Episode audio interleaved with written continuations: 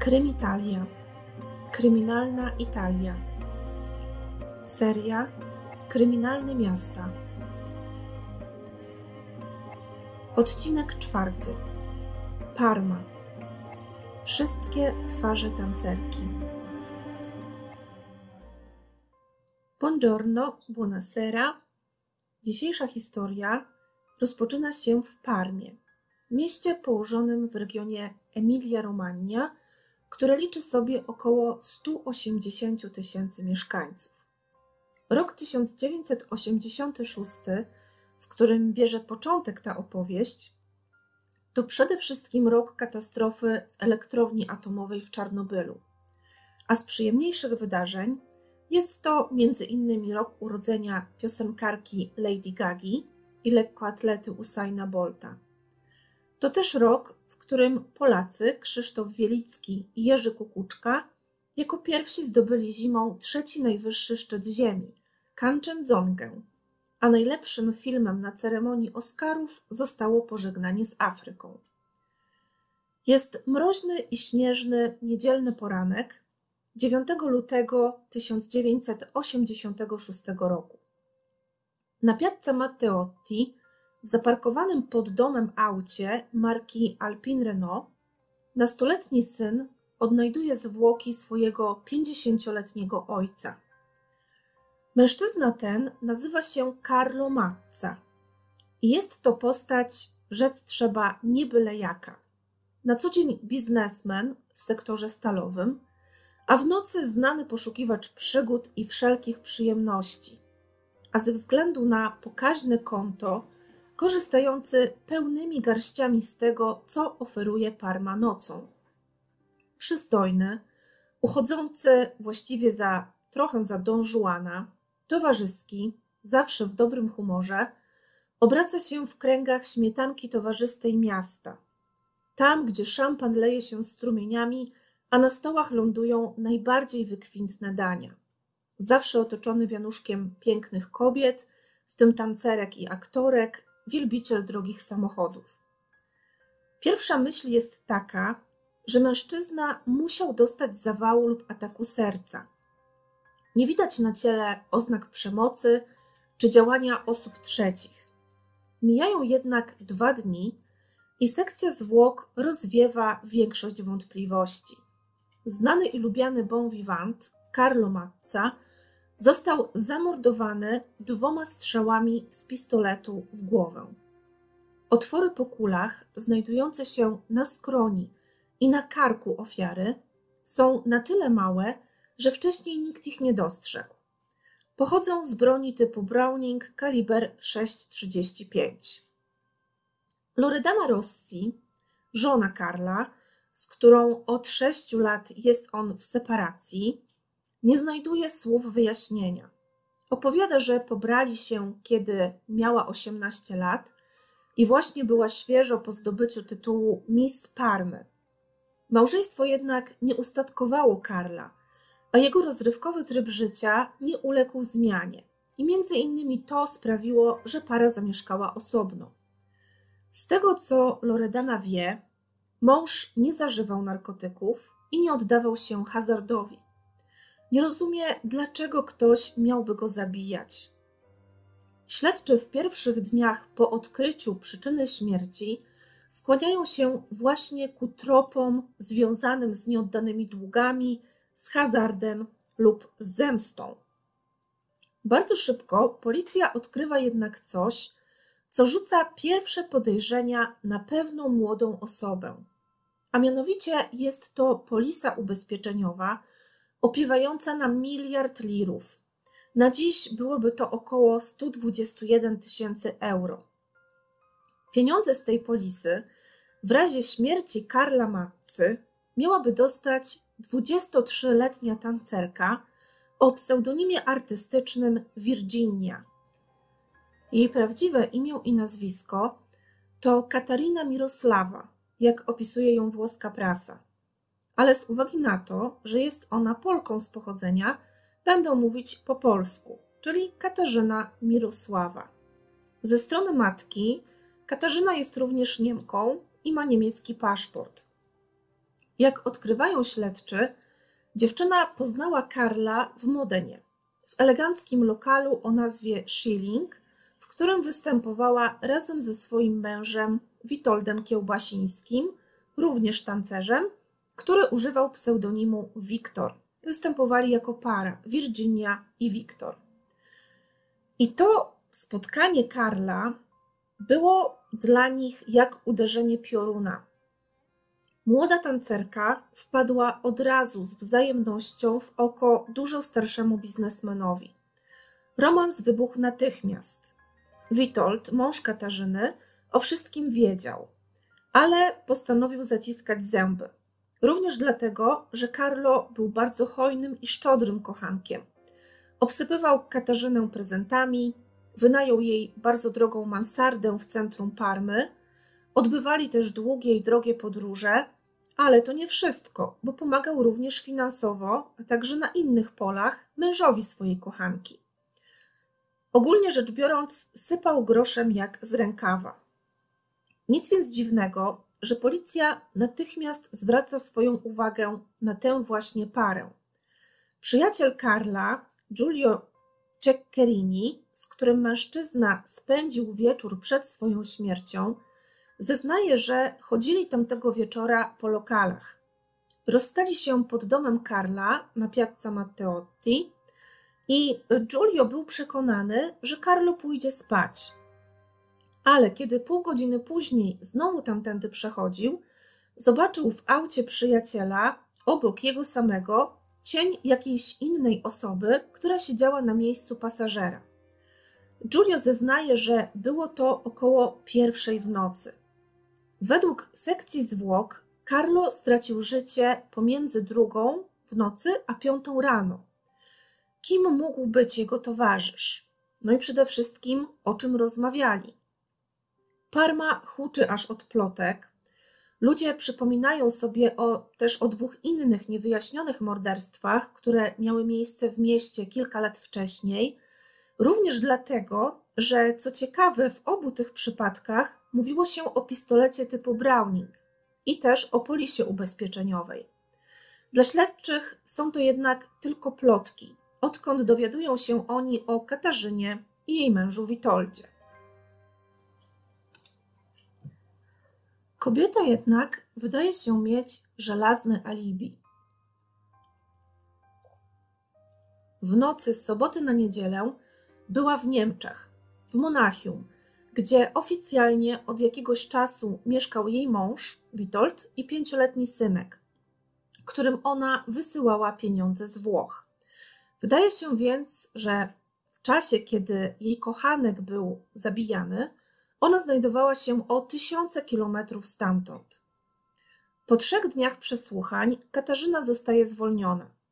Sytuacja jednak nie jest tak wesoła, jeśli chodzi o jej męża. Policja odkrywa bowiem, że tancerz w ten właśnie weekend, kiedy zamordowano Karla, na pewno był widziany we Włoszech i to niedaleko Parmy. Ale powiedzmy sobie teraz co nieco o Katarzynie i Witoldzie. Kim oni są? Ona to Polka, wychowana w Niemczech. On również jest Polakiem. E, oboje pracują jako tancerze nocni w różnych klubach. Przyjechali do Włoch właściwie też w tym celu, żeby zarobić sobie na lepsze życie, żeby podnieść swój poziom życia, znaleźć lepszą pracę i są w tym, co robią, bardzo dobrzy. Zwłaszcza Katarzyna jest bardzo oklaskiwana podczas tych swoich występów. I jest to taki rodzaj, może nie do końca striptizu, ale chyba tańca erotycznego, można powiedzieć. I występują oni e, właśnie jako małżeństwo w duecie. Katarzyna na początku zeznaje, że mąż nic nie wiedział o jej romansie z Karlem. Śledczy jednak bardzo szybko konfrontują ją z faktem, że Witold wykonywał telefony pod adres mansardy wynajętej dla niej przez kochanka.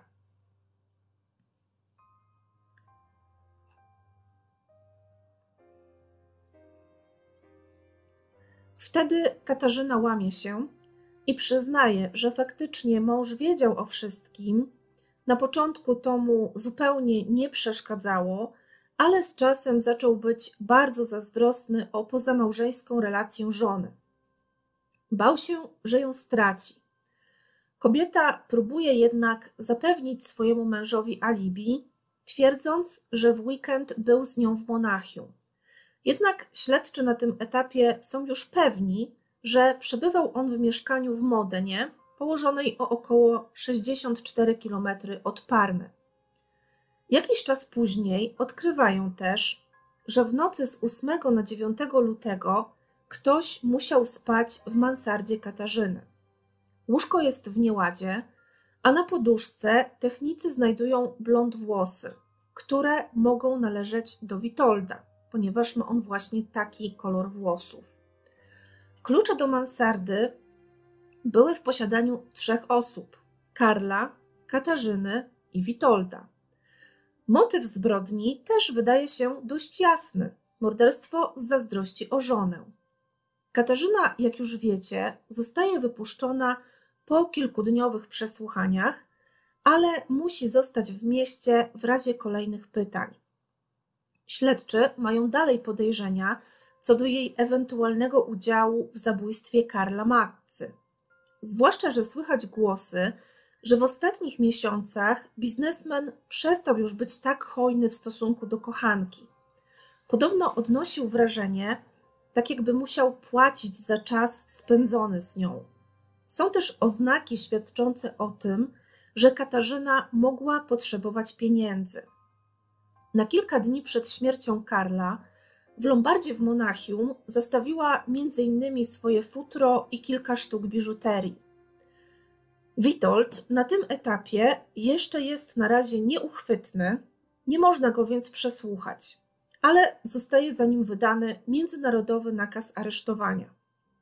Katarzyna zapytana o to, czy jej zdaniem to Witold zabił Karla, odpowiada cała w emocjach, że nie wie, ale że byłoby to dla niej straszne. O Karlu wypowiada się w samych superlatywach.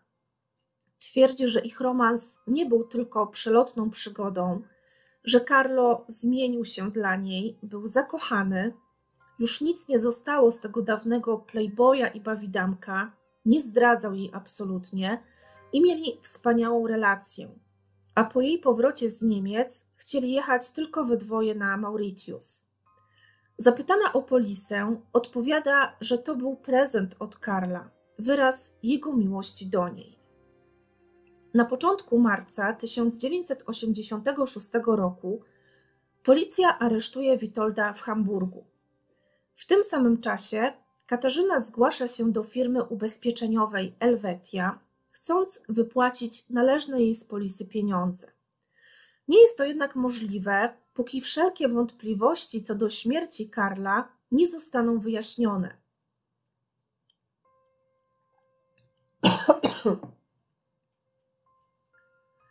W listopadzie 1986 roku Katarzyna nadal tańczy w klubie Schilling, tym samym, w którym poznała swojego kochanka.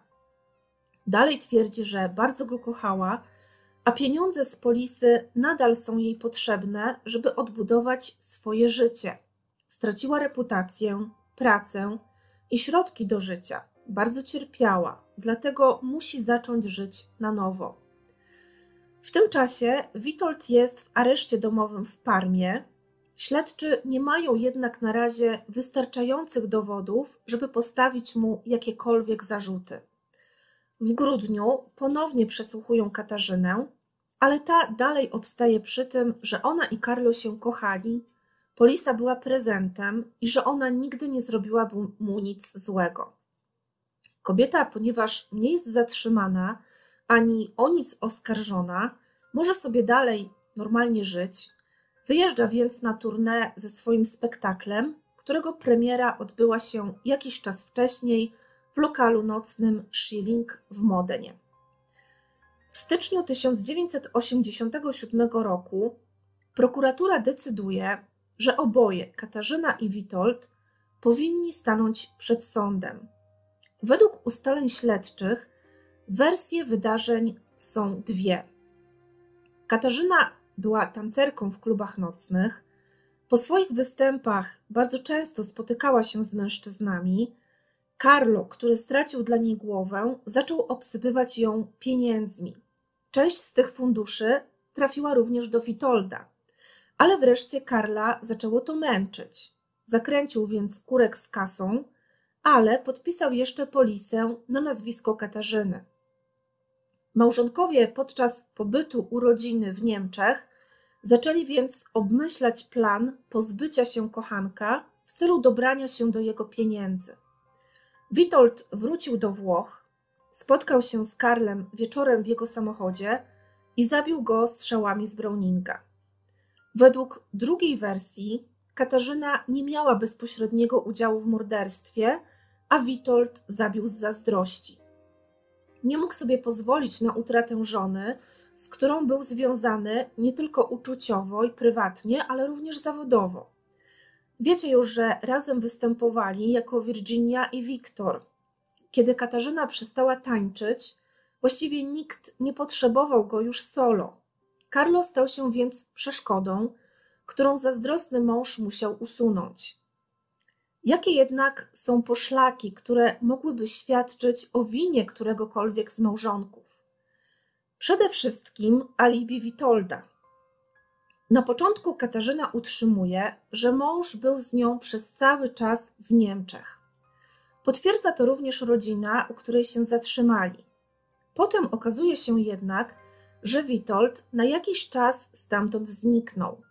W tym samym czasie ktoś był w wynajętym domu w Modenie, a klucze do tego domu mieli tylko Witold i jego przyjaciel.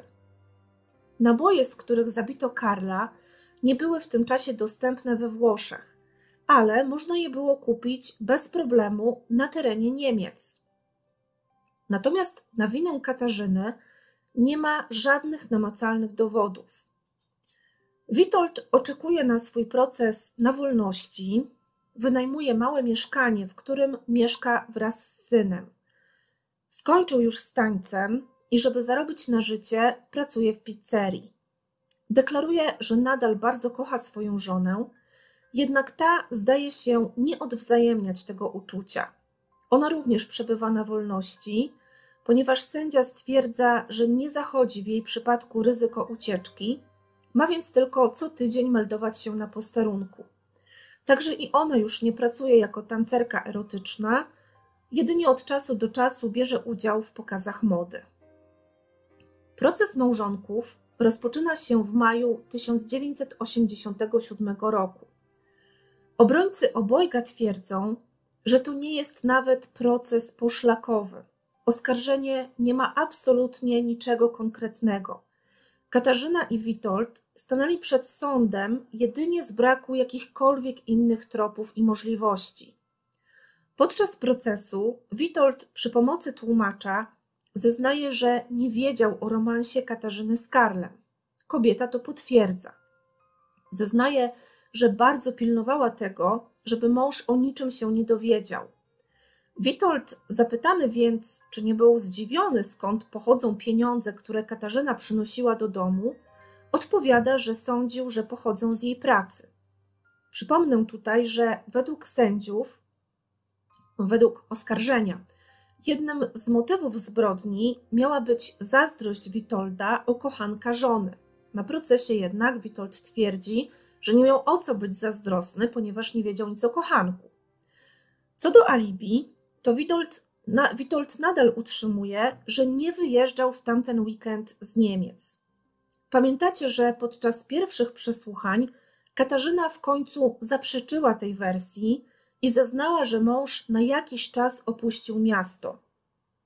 Zapytana o to na procesie, odpowiada, że skłamała, ponieważ chciała wyjść z aresztu i że mąż był cały czas w Monachium z 8 na 9 lutego 1986 roku. Zapytana o to, dlaczego straciła głowę akurat dla Karla, odpowiada, że był on błyskotliwym, wspaniałym mężczyzną, który potrafił się świetnie bawić. Temu wszystkiemu przysłuchuje się Loredana Rossi, była Miss Parmy, z którą Carlo był w separacji. On również chce za wszelką cenę poznać prawdę o śmierci byłego męża. Okazuje się również, że polisa, jaką Carlo wystawił na Katarzynę, nie była jedyną. Od 1982 roku, a więc już na kilka lat przed poznaniem Katarzyny, mężczyzna spotykał się z inną kobietą, na której nazwisko również wystawił polisę o podobnej wartości. Dodać też trzeba, że Carlo wydawał pieniądze ponad stan i miał spore długi. Relacja z tą kobietą zakończyła się, kiedy mąż kochanki o wszystkim się dowiedział i zmusił ją do zakończenia spotkań z Karlem. Nie ufał jednak żonie tak do końca, a poza tym siedział w więzieniu za hazard, dlatego poprosił swojego przyjaciela, żeby ją szpiegował. Policja odkryła też, że Carlo wystawił temu właśnie przyjacielowi czek na kolejną ogromną sumę. Za co płacił? Tego nie wiadomo. Obrońcy małżonków podnoszą, że te tropy z tą dodatkową polisą i tą wielką sumą pieniędzy nie zostały w żaden sposób sprawdzone, a śledztwo koncentrowało się od samego początku na Katarzynie i Witoldzie, być może zupełnie niesłusznie. Nie jest tajemnicą, że Carlo miał kontakty z półświadkiem i że jego morderca mógł właśnie z takich kręgów się wywodzić. Obrona tłumaczy również fakt podpisywania przez Karla polis na ogromne sumy. Była to powszechna praktyka osób, które miały długi. Był to taki rodzaj gwarancji pożyczki. Adwokat tłumaczy, że gdyby Katarzyna odebrała pieniądze, bardzo możliwe, że szybko zgłosiłby się do niej ktoś, kto chciałby te pieniądze po prostu odebrać jako należny mu dług. Tak więc ona sama z tego nie miałaby zbyt dużych korzyści. Adwokat na procesie opowiada również o dziwnym telefonie, jaki on sam dostał na kilka dni przed rozprawą. Jakiś męski głos rozkazał mu zostawić historię z polisą dla poprzedniej kobiety, inaczej cała sprawa skończy się dla niego źle. Były to ewidentne groźby. Na procesie zeznaje świadek, który miał widzieć, jak z domu w Modenie wychodził dwa dni po morderstwie Karla jakiś mężczyzna. Nie był to jednak Witold. Tożsamości tego mężczyzny nigdy nie ustalono. Natomiast w domu ktoś musiał być, bo znaleziono tam między innymi rachunki za produkty spożywcze z Niemiec. Kolejny tajemniczy mężczyzna był widziany w towarzystwie Karla na krótko przed zabójstwem i również nie wiadomo, kim mógł on być. Jeden świadek twierdzi, że słyszał, jak Witold groził Karlowi. Żaden inny jednak tego nie potwierdza. Zeznaje również Loredana, żona Karla.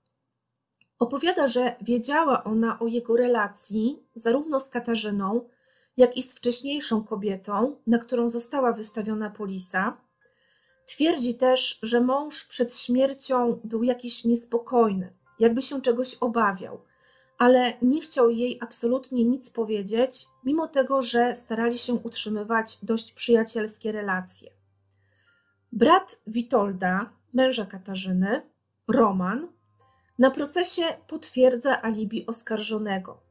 Witold w tamten weekend był w Niemczech i nie ruszał się stamtąd nawet na krok. Do podanych wcześniej już motywów oskarżenie dorzuca jeszcze jeden.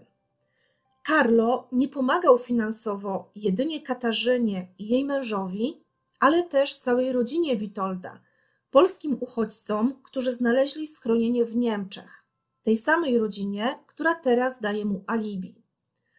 Obrona podnosi bardzo ważny fakt podczas tego pierwszego procesu, a mianowicie godzinę śmierci Karla.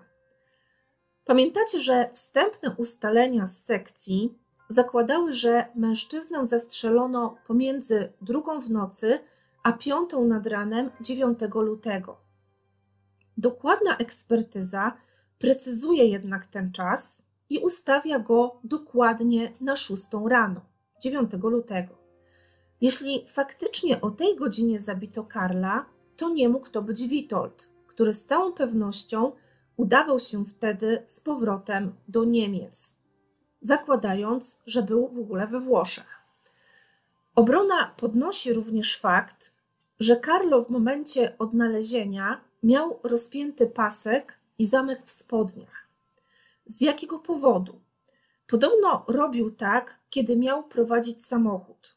Rozpinał spodnie, żeby go nie cisnęły. Jednak czy zrobiłby to samo, gdyby miał się spotkać w aucie z jakimś mężczyzną?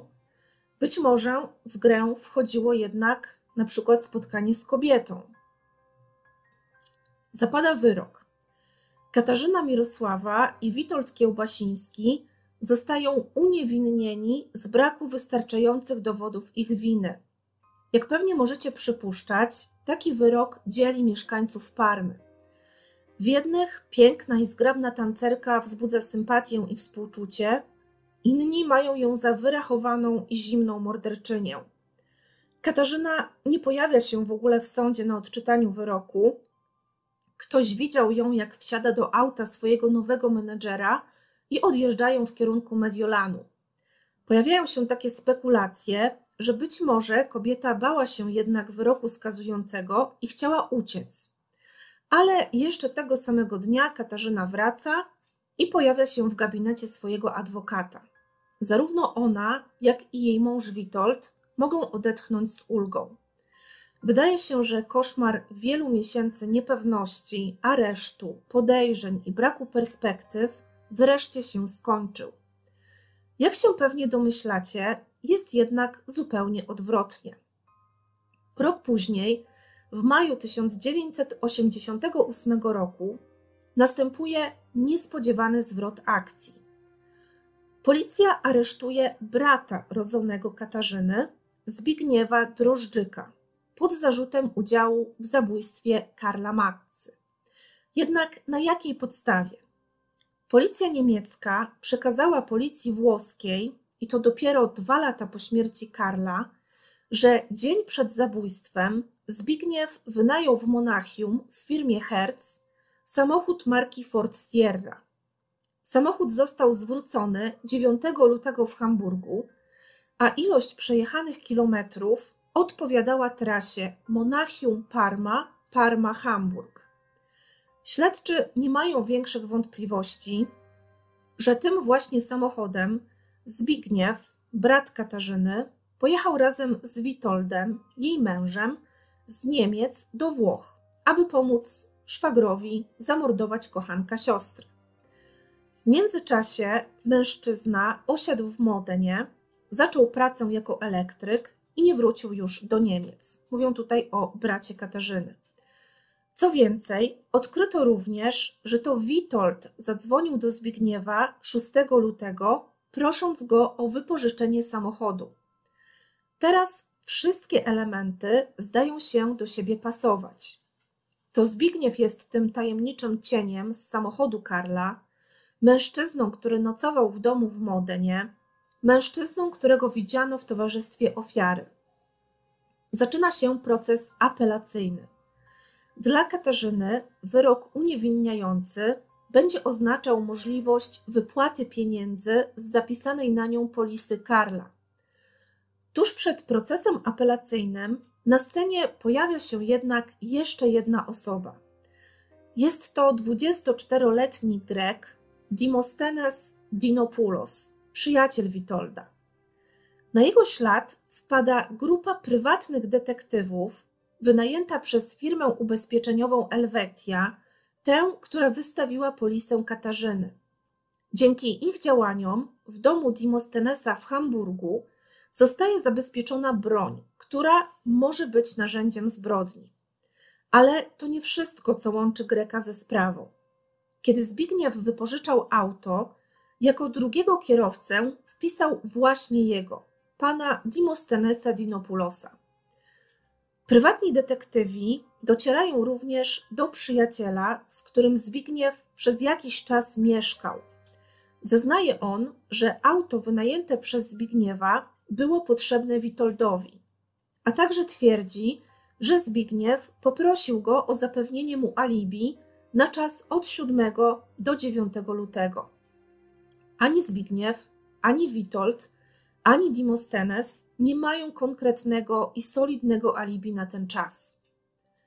Zanim dojdzie do procesu apelacyjnego Katarzyny i Witolda, w 1990 roku rozpoczyna się proces pierwszej instancji o pomoc w zabójstwie dla Zbigniewa i Dimostenesa. Obaj mężczyźni zostają uznani winnymi zarzucanych im czynów i skazani na 24 lata pozbawienia wolności. Według śledczych Zbigniew Drożdżyk posłużył za przynętę. Carlo miał znać brata swojej kochanki, dlatego absolutnie nie obawiał się zaprosić go do samochodu, a Dimostenes prawdopodobnie pociągnął za spust. Wyrok dla obu mężczyzn stawia pod znakiem zapytania losy Katarzyny i Witolda. Skoro uznano, że morderstwo Karla było de facto spiskiem rodziny i przyjaciół małżeństwa, to również i ich wyroki zapewne zostaną zmienione i sąd na pewno nie podtrzyma uniewinnienia. W kwietniu 1991 roku zaczyna się proces apelacyjny Katarzyny i Witolda. W jego trakcie wychodzą też na jaw zaniedbania, do jakich doszło w toku śledztwa. Pojawia się na przykład pocisk, którego wcześniej nigdy nie badano, a który miał utkwić gdzieś w aucie, w którym dokonano morderstwa. Okazuje się również, że torba z rzeczami na siłownię, jaką znaleziono obok ciała Karla, została wyrzucona na śmietnik i też nigdy nie zbadano jej zawartości. Witold Kiełbasiński zeznaje, że owszem, wypożyczył auto, a jego wspólnikami byli Zbigniew Drożdżyk i przyjaciel Dimostenes Dinopoulos, ale zrobił to nie po to, aby nim jechać do Parmy zabić Karla, ale żeby sprzedać je za żelazną kurtyną. Sami Zbigniew i Dimostenes jednak nie potwierdzają tej wersji. Widocznie się panowie nie zdążyli dogadać co do wspólnej wersji wydarzeń przed procesem. Obrona twierdzi tym razem, że śmierć Karla nastąpiła o 6.30, oskarżenie, że o 2.30. Nie sposób dojść do porozumienia w tej kwestii. Ekspertyza zlecona przez sąd sytuuje przedział śmierci Karla na godziny od 2.35 do 5.45. Jeśli udałoby się udowodnić, że Carlo stracił życie po 2.35, oznaczałoby to, że Zbigniew i Dimostenes nie daliby rady wrócić do Hamburga i odstawić tam auta o 18.30 9 lutego. Jednak tego nie sposób udowodnić bez cienia wątpliwości. Katarzyna przez wszystkie lata pomiędzy procesami wypowiada się w wywiadach w tonie osoby, której jedyną winą jest jej uroda i wykonywany zawód. Gdybym była nudną kurą domową, twierdzi, nikt by mnie o to nie oskarżył. Zapewnia, że ani ona, ani nikt z jej rodziny nie są winni zabójstwa Karla.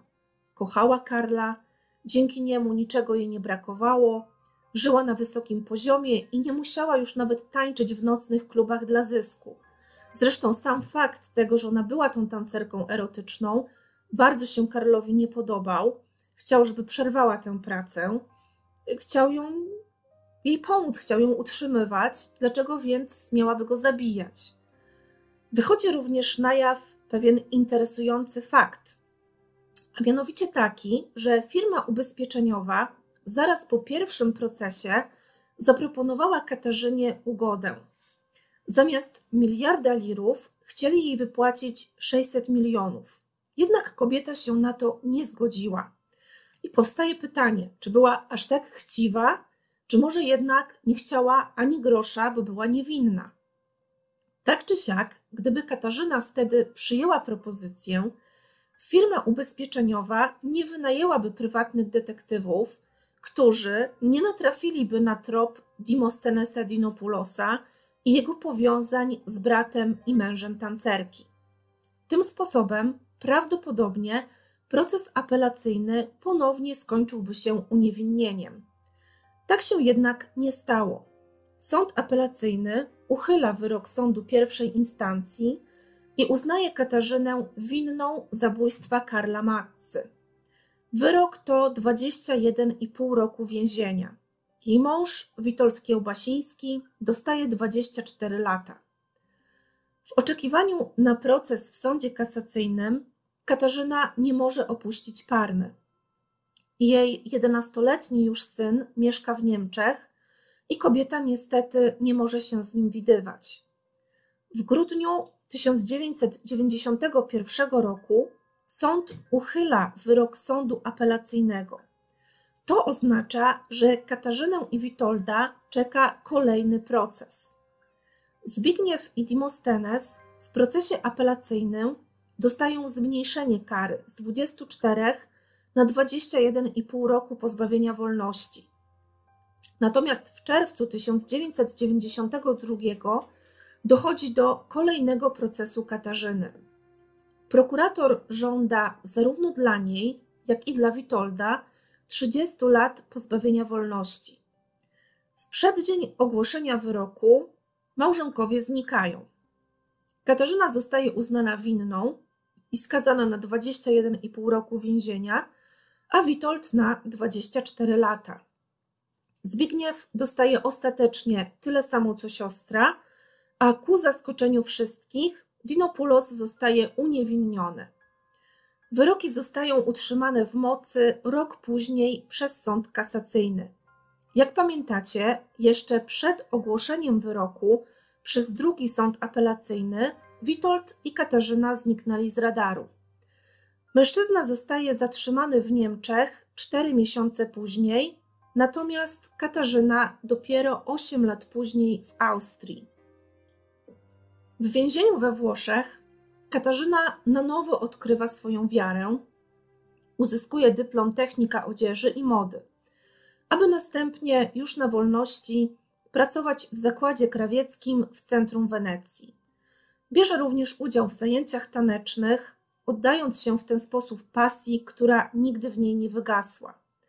Kiedy oboje, ona i jej mąż, odsiadują swoje wyroki, Witold oczyszcza ją niejako z zarzutów. Twierdzi, że to jedynie on stoi za śmiercią Karla, a motywem nie były pieniądze, ale zazdrość. Za spust pociągnął jego przyjaciel Dimostenes, paradoksalnie ten, który jako jedyny został uniewinniony. Katarzyna miała nic o tym nie wiedzieć. Witold twierdzi, że nie powiedział tego wcześniej, bo bał się konsekwencji ze względu na swojego syna. Sędziowie jednak w to nie wierzą. Uważają, że wyznanie jest spóźnione i mało wiarygodne. W 2013 roku Katarzyna kończy odsiadywanie swojej kary i po raz ostatni postanawia zatańczyć w jednym z nocnych klubów w Modenie, a następnie przenosi się do Wiednia, gdzie pracuje między innymi jako tłumaczka w firmie informatycznej. Później zajmuje się promocją i sprzedażą włoskich win i produktów. Nadal piękna i atrakcyjna, cały czas utrzymuje, że jest niewinna i chciałaby bardzo rewizji procesu. Ma nowego partnera i jest także babcią. W 2019 roku udaje się do Parmy, gdzie odwiedza między innymi grup Karla. Nie przestaje twierdzić, że był on jej prawdziwą miłością. Katarzyna jest również autorką książki, swojej autobiografii pod tytułem Peccato, czyli grzech. Zaraz po wyjściu z więzienia sfinalizowała rozwód z Witoldem. On sam po odbyciu swojej kary 24 lat pozbawienia wolności przeprowadził się do Polski, gdzie prawdopodobnie nadal mieszka. No i to już koniec, moi drodzy. Taka to dzisiejsza sprawa, trochę z akcentami polskimi. Napiszcie mi, proszę, co o niej sądzicie. Jak postrzegacie Katarzynę? Czy Katarzyna była jednak tutaj niewinną ofiarą całej sytuacji? E, przypomnę Wam, że ona miała chyba pięć procesów, summa summarum, i tylko w pierwszym procesie została całkowicie uniewinniona. Natomiast później okazało się, że jednak były jakieś dowody, czy tam łańcuch poszlak w zasadzie, które przekonały sędziów na tyle, żeby skazać ją za morderstwo ex-kochanka. Ja szczerze mówiąc, nie jestem w stanie powiedzieć tak na 100%, co uważam, ponieważ zawsze w tych sprawach, w których wszystko opiera się na poszlakach, nie mam odwagi nawet wydawać, świerować wyroków. I myślę, że ten łańcuch poszlak powinien być tak bardzo spójny y, i tak ta jedna poszlaka powinna idealnie prowadzić do następnej, żeby faktycznie nie pozostawiać cienia wątpliwości, że ktoś jest winny. Natomiast tutaj też nie wiemy do końca, czy Katarzyna była mózgiem całej operacji, czy jednak mózgiem operacji był jej mąż, tak jak zresztą sam twierdził to później w więzieniu. Jaki udział w tym wszystkim miał jej brat, jej rodzina, osoby, które zapewniały jej mężowi alibi? Jaki w tym udział miał ten przyjaciel Grek, który według Witolda był tak naprawdę materialnym sprawcą zabójstwa? Trudno powiedzieć. Jest to w każdym razie bardzo interesująca i zagmatwana sprawa, która też znowu pokazuje, jak skomplikowane i bardzo nietypowe potrafią być relacje międzyludzkie. Dziękuję Wam bardzo za wysłuchanie kolejnego odcinka i zapraszam Was tradycyjnie za tydzień, a będzie nowy odcinek z serii Krymitalia Extra. Ciao!